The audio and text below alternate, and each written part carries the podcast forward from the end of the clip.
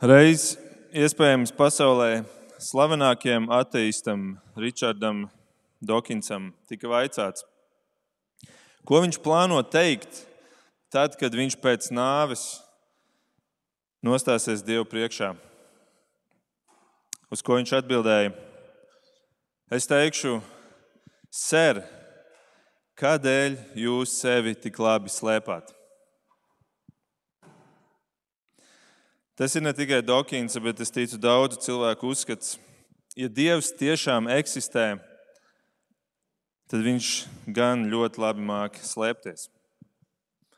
Kur viņš ir šajā pasaulē? Un tādēļ visas pasaules reliģijas, kā savu nodarbošanos, ir izvirzījušas dieva meklēšanu.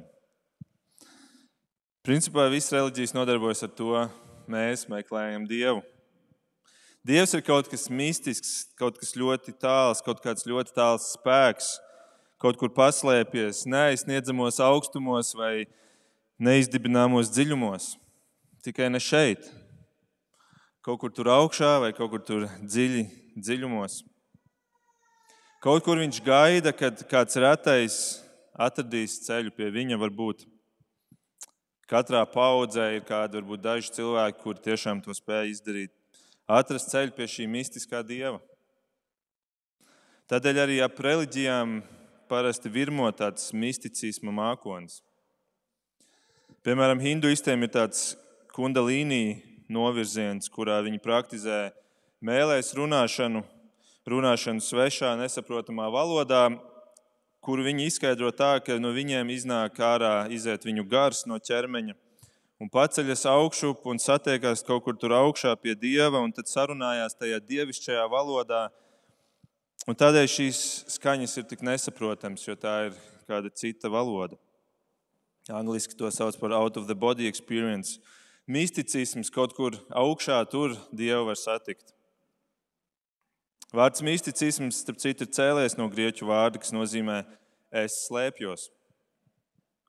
Dievs slēpjas kaut kur, tā viņi saka. Un cilvēku uzdevums ir atrast viņu šajā dzīvē, šīs dzīves laikā. Un pasaule ir pilna ar ceļvežiem, kā varētu atrast Dievu.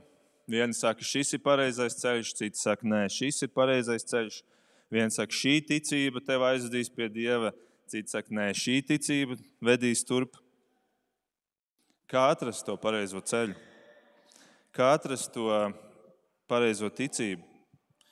Kristietībā vien ir tik daudz novirzienu, tik daudz konfesiju. Kā atrast ticību, kura aizved pa pareizo ceļu?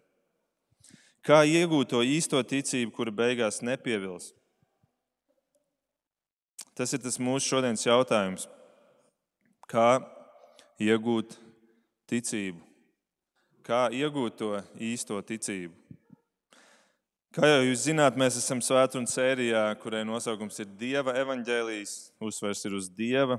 Pasaule ir pilna ar evaņģēlījiem, bet mēs gribam saprast Dieva evaņģēliju, kuru vēstuli romiešiem caur Pāvila vārdiem mums arī atklāja. Un eh, tāpēc es aicinu šodien atvērt eh, Bībeles uz romiešiem desmito nodaļu. Diemžēl tehnisku problēmu dēļ es eh, šodien nevarēšu uzlikt Bībeles tekstu uz, uz ekrāna. Kā, ja jums ir Bībeles apkārt, ņemiet, tas noteikti noderēs.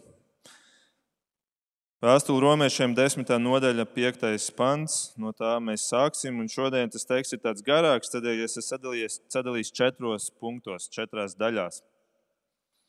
Un, um, katra no tām daļām būs kāds jautājums. Un, lai saprastu, kā iegūt ticību, mums vispirms ir jāsaprot, kas tad ir ticība, kuru mēs gribam iegūt. Kas ir ticība? Bet, lai labāk saprastu, kas ir ticība, pirmais punkts būs, kas tad nav ticība.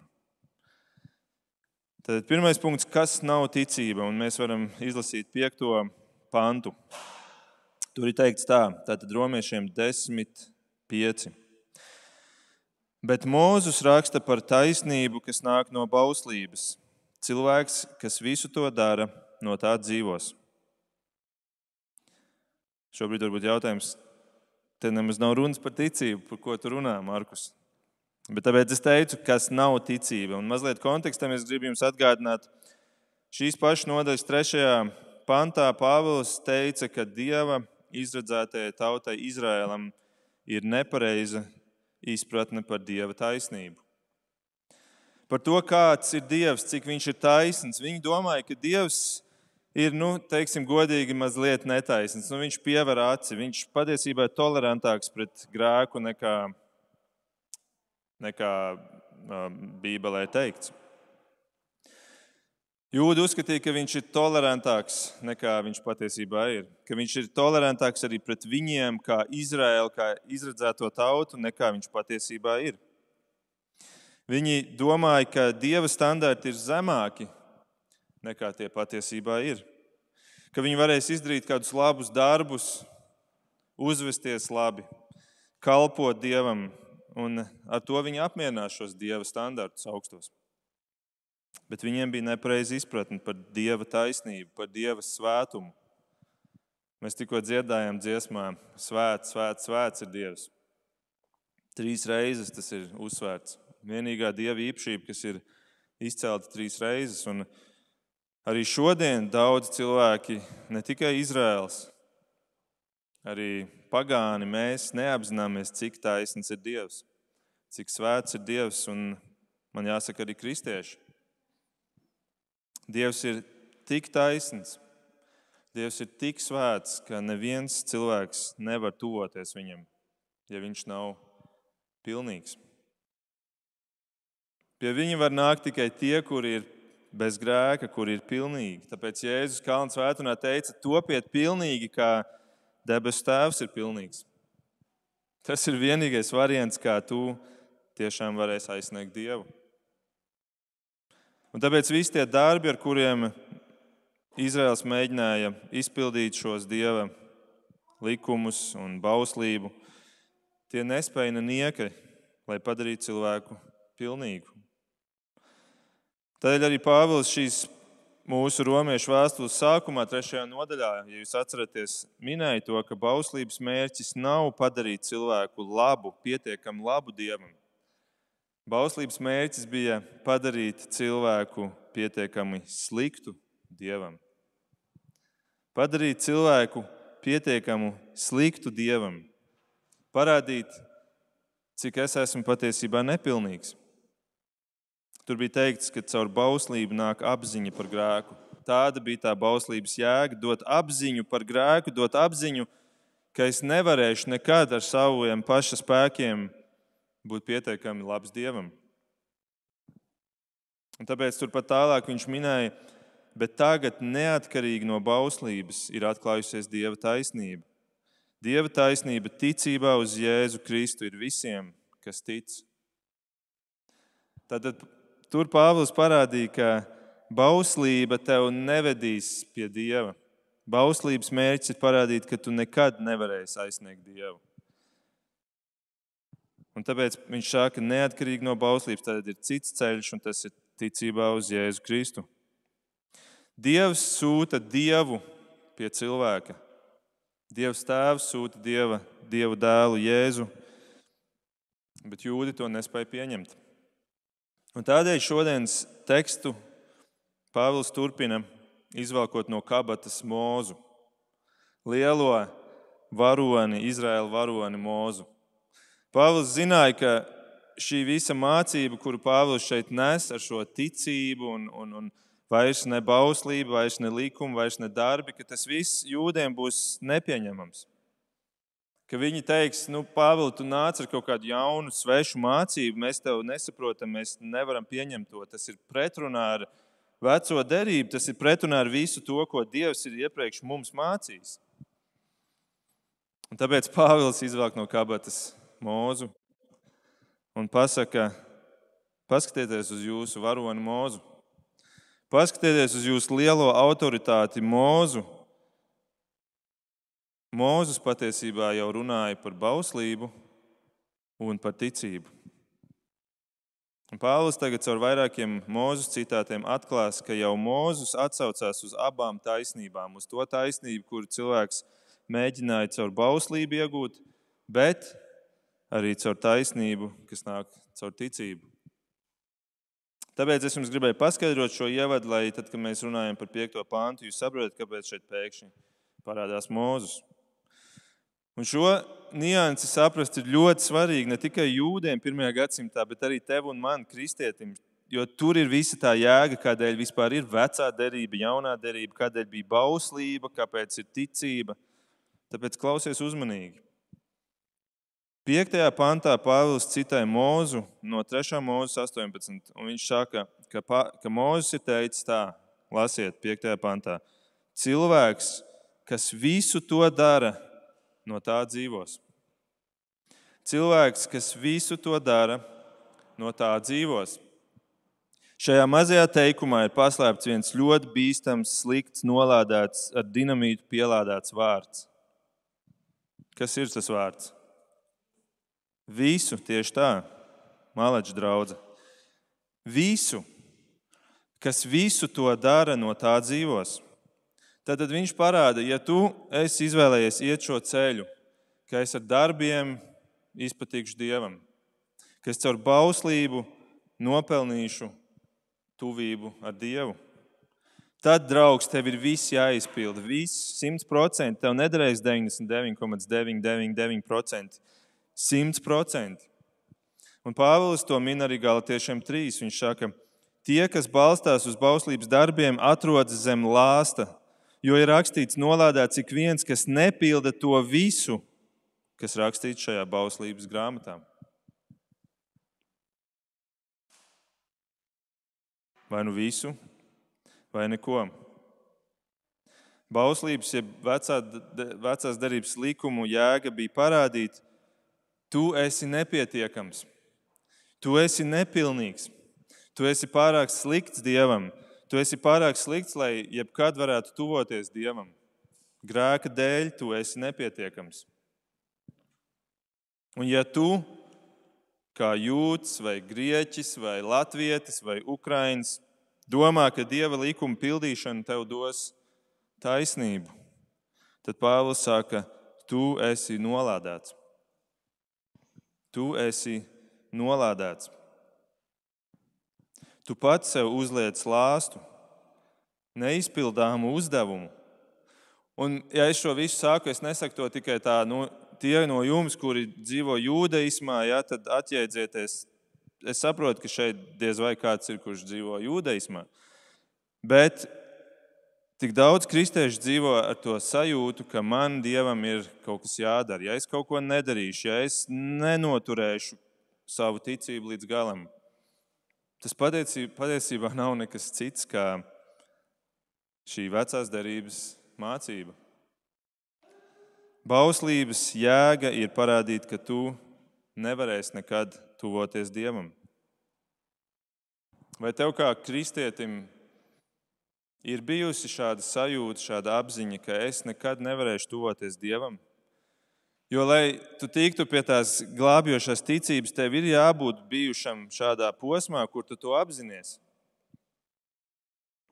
Tā nav tikai, nu jā, es agrāk neticēju Dievam, un tad es, kāds man pastāstīja par Jēzu, un tagad es ticu Dievam, bet ir jābūt bijušai šai apziņai, ka es ar to, kāds es esmu, es nevarēšu nekad tuvoties Dievam.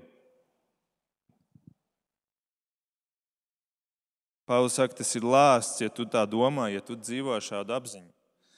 Tu pats sev uzliec neizpildāmu uzdevumu, un tieši to dara visas reliģijas šajā pasaulē. Tieši to dara visas reliģijas, un tādēļ visas reliģijas ir nolādētas. Pāvila vārdiem runājot. Un tieši tādēļ kristietība nav reliģija. Kristietība nav reliģija, jo kristietība pieņem to bauslības īsto jēgu. Kristietība saka, es sapratu, ko Mozus gribēja teikt. Es saprotu, ka es ar savu spēku nekad nespēšu būt pietiekams Dievam. Es nekad nespēšu izpildīt Dieva likumus pilnībā. Un tādēļ man vajag palīdzību, tādēļ man vajag glābēju, kurš ne tikai izpilda visus šos 100%, bet kurš ir gatavs šo savu 100% pēc tam dot man, apmainīt pret maniem 2%. Vai varbūt 10%, vai varbūt kādam ļoti cēlam cilvēkam 20%. Bet tikai viņam ir šie simt procenti, un man viņi ir vajadzīgi. Un to dara ticība. Ticība, ka Jēzus ir tiešām to izdarījis pirmkārt, un otrkārt, ka Jēzus to piedāvā man apmainīt pret manu netaisnību, pret manu paštaisnību, viņa taisnību. Un par lielu pārsteigumu jūdiem Pāvils saka, Mozus arī par to jau bija runājis, draugi.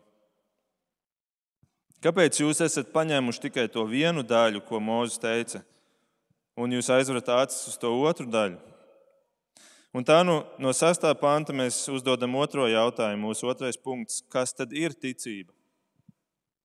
Mēs tikko apskatījāmies, kas nav ticība. Ticība nav, ka tu mēģini ar jebkādiem darbiem panākt to, lai tu beigās būtu glābts. Tā nav ticība. Tā ir bauslība, tā ir dzīvošana pēc vecās derības likumiem. Bet kas tad ir ticība? Un Mūzes par to arī ir runājis, kā Pāvils saka, un tas ir mūsu otrais punkts, un izlasīsim 6 un 7 pantu. Un taisnība, kas nāk no ticības, tātad šeit mēs redzam cita veida taisnību. Tur bija taisnība no bauslības, šeit ir taisnība no ticības. Taisnība, kas nāk no ticības, saka šādi: Nejautā savā sirdī, kas uzkāps debesīs, tas ir novest Kristu zemē. Ne arī kas nokāps bezdibenī, tas ir uzvest Kristu augšā no mirušajiem. Pagaidām tur apstājamies. Tad Pāvils, ko viņš dara, viņš šeit atkal citē mūzu, kurš 5. mūzes 30 runāja par šo. Atcerieties, Reinis lasīja to ievadā. Mūzes tur runāja par uzkāpšanu debesīs, pakaļ tai bauslībai vai nokāpšanu tur jūrā, bezdibenī. Mēs to ievadā lasījām. Es varu vēlreiz nolasīt tos dažus pantus, lai mums tas ir acu priekšā.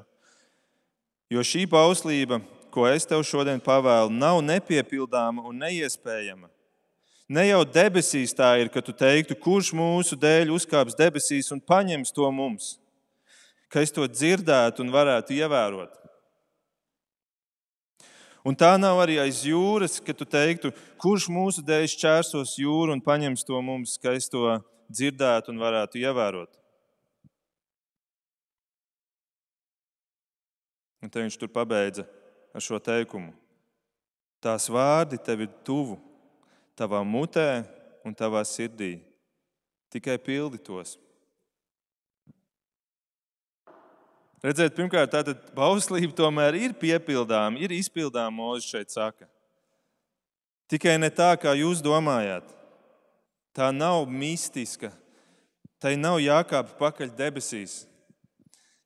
Tai nav jārāpjas iekšā dziļumos, jūrā, aiz jūras jātiek un jāšķērso šī jūra caur tās dibenu, caur tās dziļumiem.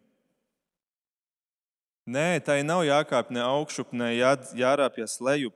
Jo Pāvils saka, un te viņš interpretē šos mūzus vārdus ar jaunās derības jau informāciju. Viņš saka, ka Jēzus to jau ir izdarījis.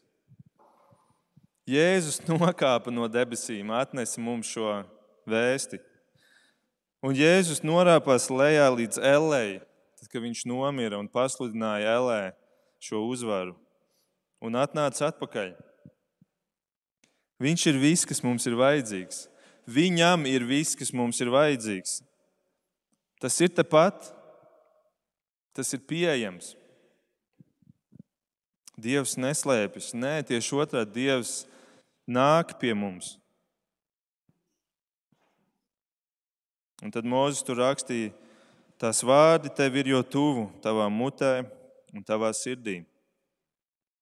Nevis tavās kājās, nevis tavās rokās, ar kuriem tu pildi bauslību, bet tavā mutē un tavā sirdī.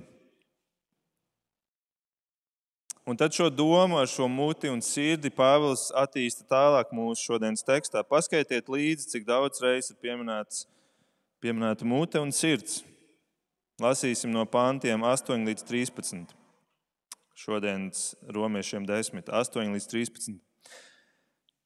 Bet tad, ko tā saka? Tad viņš uzdod tālāk jautājumu, ko tad saka šī ticības taisnība. Ko saka šī ticība? Tā ticība saka, tas vārds ir tev tuvu, tavā mutē un tavā sirdī. Un tas ir ticības vārds, ko mēs sludinām. Un, ja tu ar savu muti apliecināsi Jēzu par savu kungu un savā sirdī ticēsi, ka Dievs viņu uzmodinājis no mirušajiem, tu tiksi glābts. Jo ar sirdi tic, lai saņemtu taisnību, bet ar muti liecina, lai gūtu pestīšanu. Tādēļ raksti saka, ik viens, kas tic uz viņu, nepaliks kaunā. Un te nav atšķirības starp jūdu un grieķi, jo viņš ir kungs pār visiem. Un viņš atklāja savu bagātību visiem, kas viņu piesauc. Jo ik viens, kas piesauc kunga vārdu, tiks izglābts. Redzēt, ticība kļūst redzama caur sirdi un caur muti, Pāvils saka. Ar sirdi tu tici, un no sirds pārpilnības mūte runā. Un tikai pēc tam, kad tu esi ticējis pa īstam ar sirdi un tavu muti to ir apliecinājusi, pēc tam seko tā baušļu pildīšana, kura ir arī vajadzīga, bet tā nāk kā pateicība Dievam. Kā pateicība par to, ka tu esi glābts, nevis kā veids, lai es iegūtu šo glābšanu vai veids, kā es varētu noturēt šo glābšanu līdz dzīves beigām. Un Pāvils noslēdz šo, šo posmu, šo daļu ar vārdiem: Ik viens, kas piesauc kunga vārdu, tiks izglābts. Ļoti daudz dzirdēts, ļoti bieži dzirdēts teikums, vai ne? Teikums, kurš iespējams ierindojas top 10 sarakstā starp pantiem, kuri visbiežāk tiek izrauti no konteksta. Es esmu dzirdējis, man jāatzīst, ka es arī pats esmu ticējis, ka galvenais ir beigās piesaukt Jēzu. Galvenais ir piesaukt viņu kā tādu maģisku frāzi, un viss beigās būs labi. Tu tiksi izglābts, jo taču Bībele to saka šeit. Tas pat vairs nav tik svarīgi, kā tu dzīvo, dzīvo kā gribi, varbūt dzīvo grēkā, attaisno grēku. Galvenais parūpējies, lai beigās tu paspēji piesaukt Jēzu. Bet, diemžēl, tā ir puspatiesība. Jo Mozus un Pāvils šeit uzsver, ka ne tikai mute, bet arī kas? Sirds, vai ne? Ar sirdi tic, lai saņemtu taisnību, viņš raksta bet ar muti liecina, lai gūtu pestīšanu. Sirds ir tā, kura ļauj saņemt Kristus taisnību, un mute pēc tam to apliecina. Pasaulē ir ap mazliet mazāk kā viens miljons mēmu cilvēku, kuri nevar apliecināt ar savu muti Jēzu. Vai tādēļ viņi netiks glābti? Protams, ka nē, jo sirds ir pirmā un sirds ir galvenais posms šajā ķēdē. Tā nu mēs aplūkojam, kas nav ticība. Tātad bauslības izpildi kā veids šīs taisnības iegūšanai. Un mēs apskatījāmies, kas ir ticība. Ka tā ir kaut kas, kas ceļās no sirds, tāda izpratne, kas ceļās no sirds un pēc tam izskan vārdos. Un nu mēs esam gatavi uzdot to galveno jautājumu, trešo jautājumu. Tad kā iegūt ticību? Kā iegūt šo, šo ticību, kura man ļauj izrunāt um, savu, savu slavu Dievam, kur man ļauj ar pateicību iet un pildīt Dieva likumus, būt paklausīgam? Kā iegūt šo ticību? Un Pāvils to atbild ar vienu no pazīstamākajiem tekstiem Bībelē, kas ir kā tāda cēloņa sakarību ķēde, kuru viņš min. Tikai viņš to dara atpakaļgaitā. Paskaitiet līdzi, cik posmus jūs varat saklausīt šajos, šajos vārdos. Un tie vārdi ir no 14. līdz 17. pantam. Bet kā lai piesauc to, kuram nav sākuši ticēt? Tātad piesauc ir tā ar, ar muti runāšana un ticēšana. Te viņš piemin šīs divas lietas, par kurām es tikko jau runāju. Bet kā lai piesauc to, kuram nav sākuši ticēt, un kā lai tic tam, par kuru nav dzirdējuši? Un kā lai dzird, ja neviens nesludina? Un kā lai sludina, ja nav sūtīti? Kā ir rakstīts, cik brīnišķīgi ir to kājas, kas sludina labo vēsti. Bet ne visi ir klausījuši evaņģēliem, jo Iesai saka, Kungs, kas gan ir ticējis mūsu vēstī? Tātad ticība rodas no pasludinātās vēsts, bet vēsts no Kristus vārdiem. Pāvils tad dodas atpakaļ gaitā un parāda to, to sakarību. Viņš parāda šos posmus, un tas pēdējais posms ir piesaukšana ar muti. Bet kā lai piesauc, ja netic, bet kā lai tic, ja nav dzirdēts, bet kā lai dzird, ja neviens nesludina, bet kā lai sludina, ja nav sūtīti? Tātad cik posmus jūs izskaitījāt? Pieci posmi. Pieci posmi no sūtīšanas līdz mutes piesaukšanai otram cilvēkam. Redziet, kā var iegūt ticību? Pavisam vienkārši. Pāvils saka, ticība nāk caur Dieva vārda sludināšanu.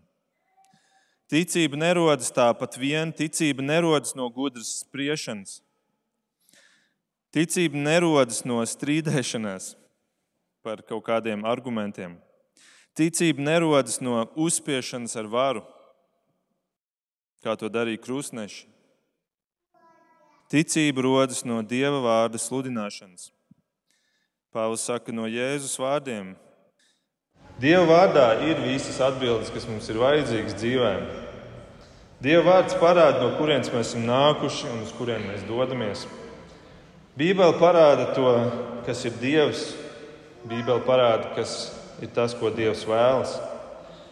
Bībele parāda, kas ir cilvēks un ko cilvēks ir izdarījis. Bībele parāda, kādēļ cilvēks ir ļauns.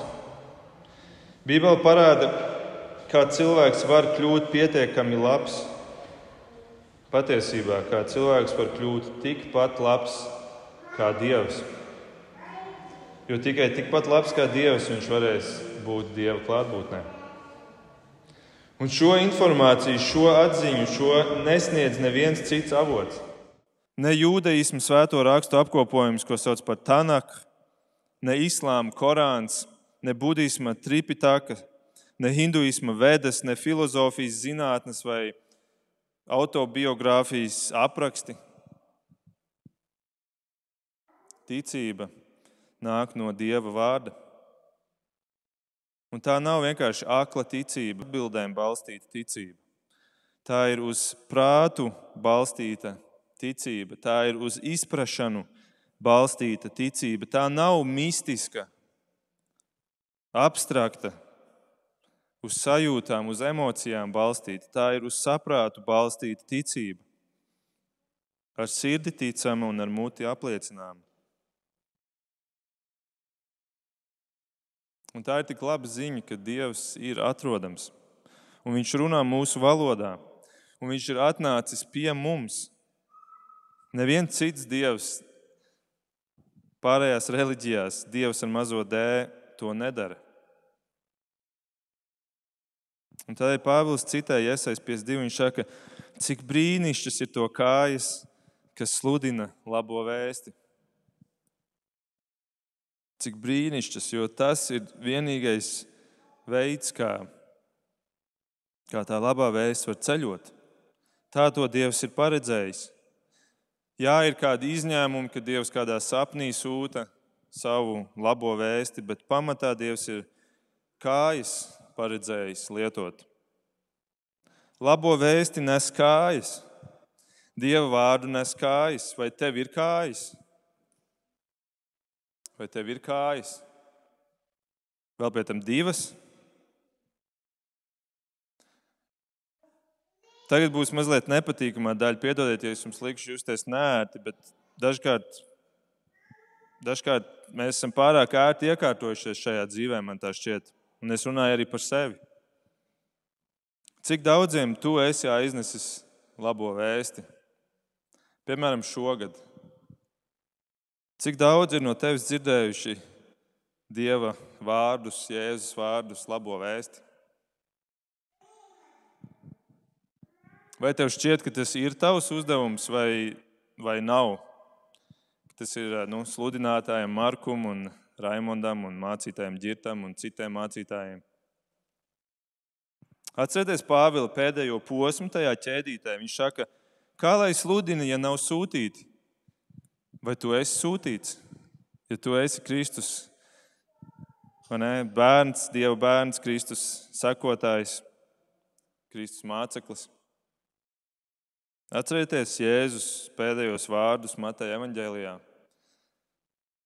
Ejiet un dariet par mācekļiem visas tautas. Ejiet un dariet. Tātad tu esi sūtīts.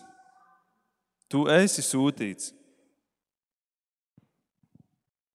Pāvils saka, bet kā lai, kā lai nes un sludina, ja nav sūtīti? Bet tā labā ziņa ir, tu esi sūtīts. Un tāpēc viņš saka, cik brīnišķīgi to kājas, kuras nes šo labo vēstu. Cik daudziem tu esi aiznesis Dievu vārdu? Tas nav grūti, ja kājas priecīgi skrien. Man, manas kājas ļoti priecīgi skrien, tad, kad ir futbola spēles divreiz nedēļā, darbdienu rītos. Viņas ir ļoti priecīgas, viņas tiešām skrien priecīgi.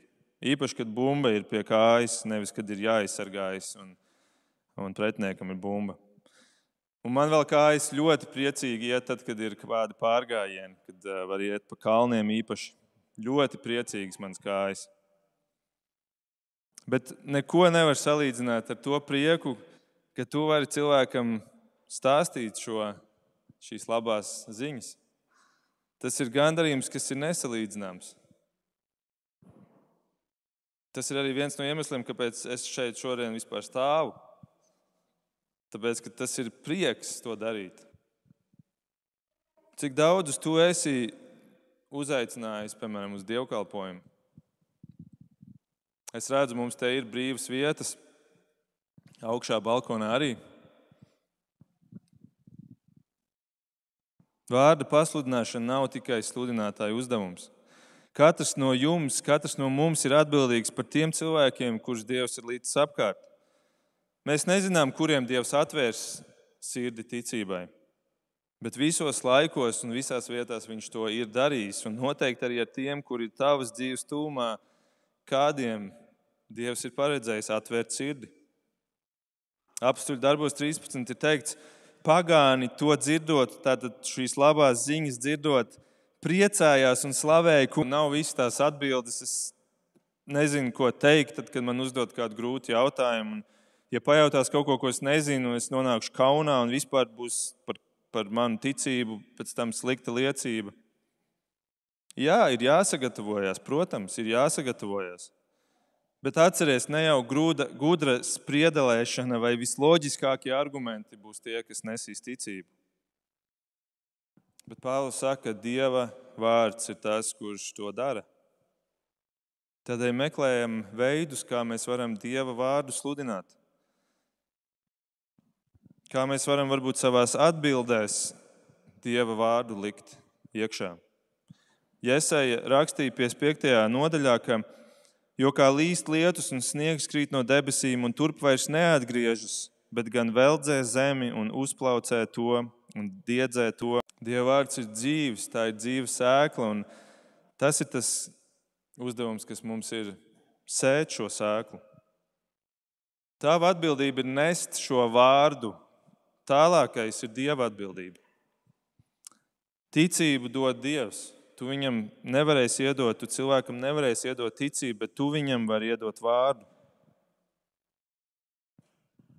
Un, ja tev pašam nesanāk to vārdu tā pasludināt, kā tu gribētu, tad ir citi veidi. Uzdāvini Bībeli. Cik tu esi cilvēkiem Bībeles uzdāvinājis, piemēram, šogad?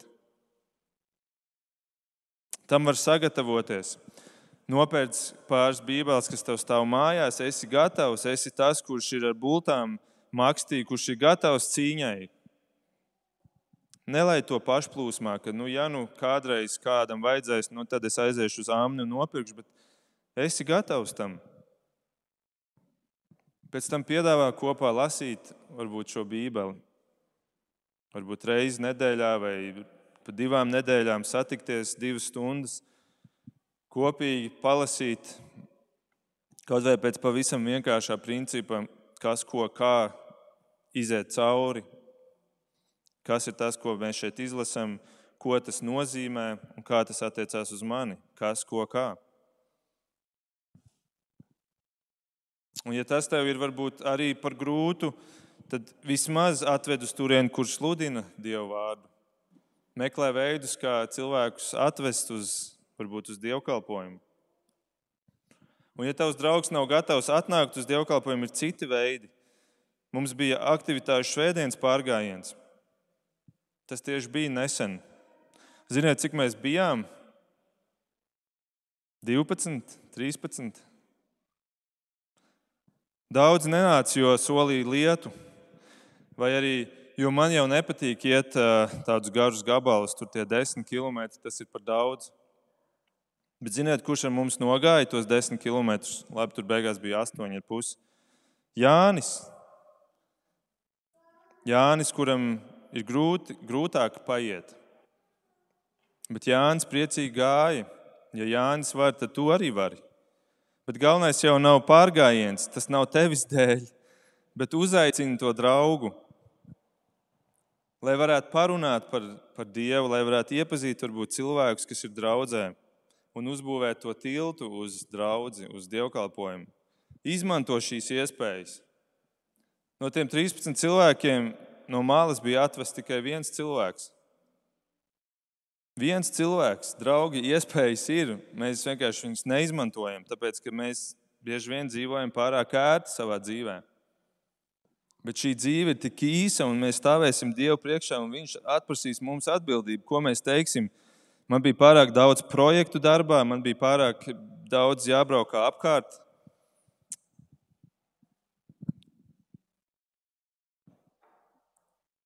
Kā tavs kājas nesuši Dieva vārdu, lai radītu ticību šajā pasaulē? Tas būs tas, ko Dievs prasīs no mums. Un noslēgumā pēdējais jautājums. Tad trešais jautājums bija, kā iegūt ticību. Bet Pāvils šeit noslēdz ar ceturto, kā neiegūt ticību. Kādēļ cilvēki tomēr beigās neiegūst ticību? Daudzi. Un tas ir no 18 līdz 21 pantam. Tad nu es jautāju, vai tiešām tie nav dzirdējuši? Viņš runā šeit par jūdiem. Vai tiešām tie nav dzirdējuši? Ir gan. Pa visu zemi ir izgājusi viņa balss un viņu vārdi līdz pasaules malai. Bet es jautāju, vai Izraels to nav sapratis? Jau Mūzu saka, es darīšu jūs greizsirdīgus pret tiem, kas nav tauta Es saniknošu jūs pret nesaprātīgu tautu, kas esam mēs, pagāni. Un Jēzai iedrošinās teikt, mani atrada pie tiem, kas mani nemeklēja. Es parādījos tiem, kas pēc manis netaujāja. Bet uz Izraēlu viņš saka, augu dienu es stiepu rokas pretī nepaklausīgai un pretestīgai tautai.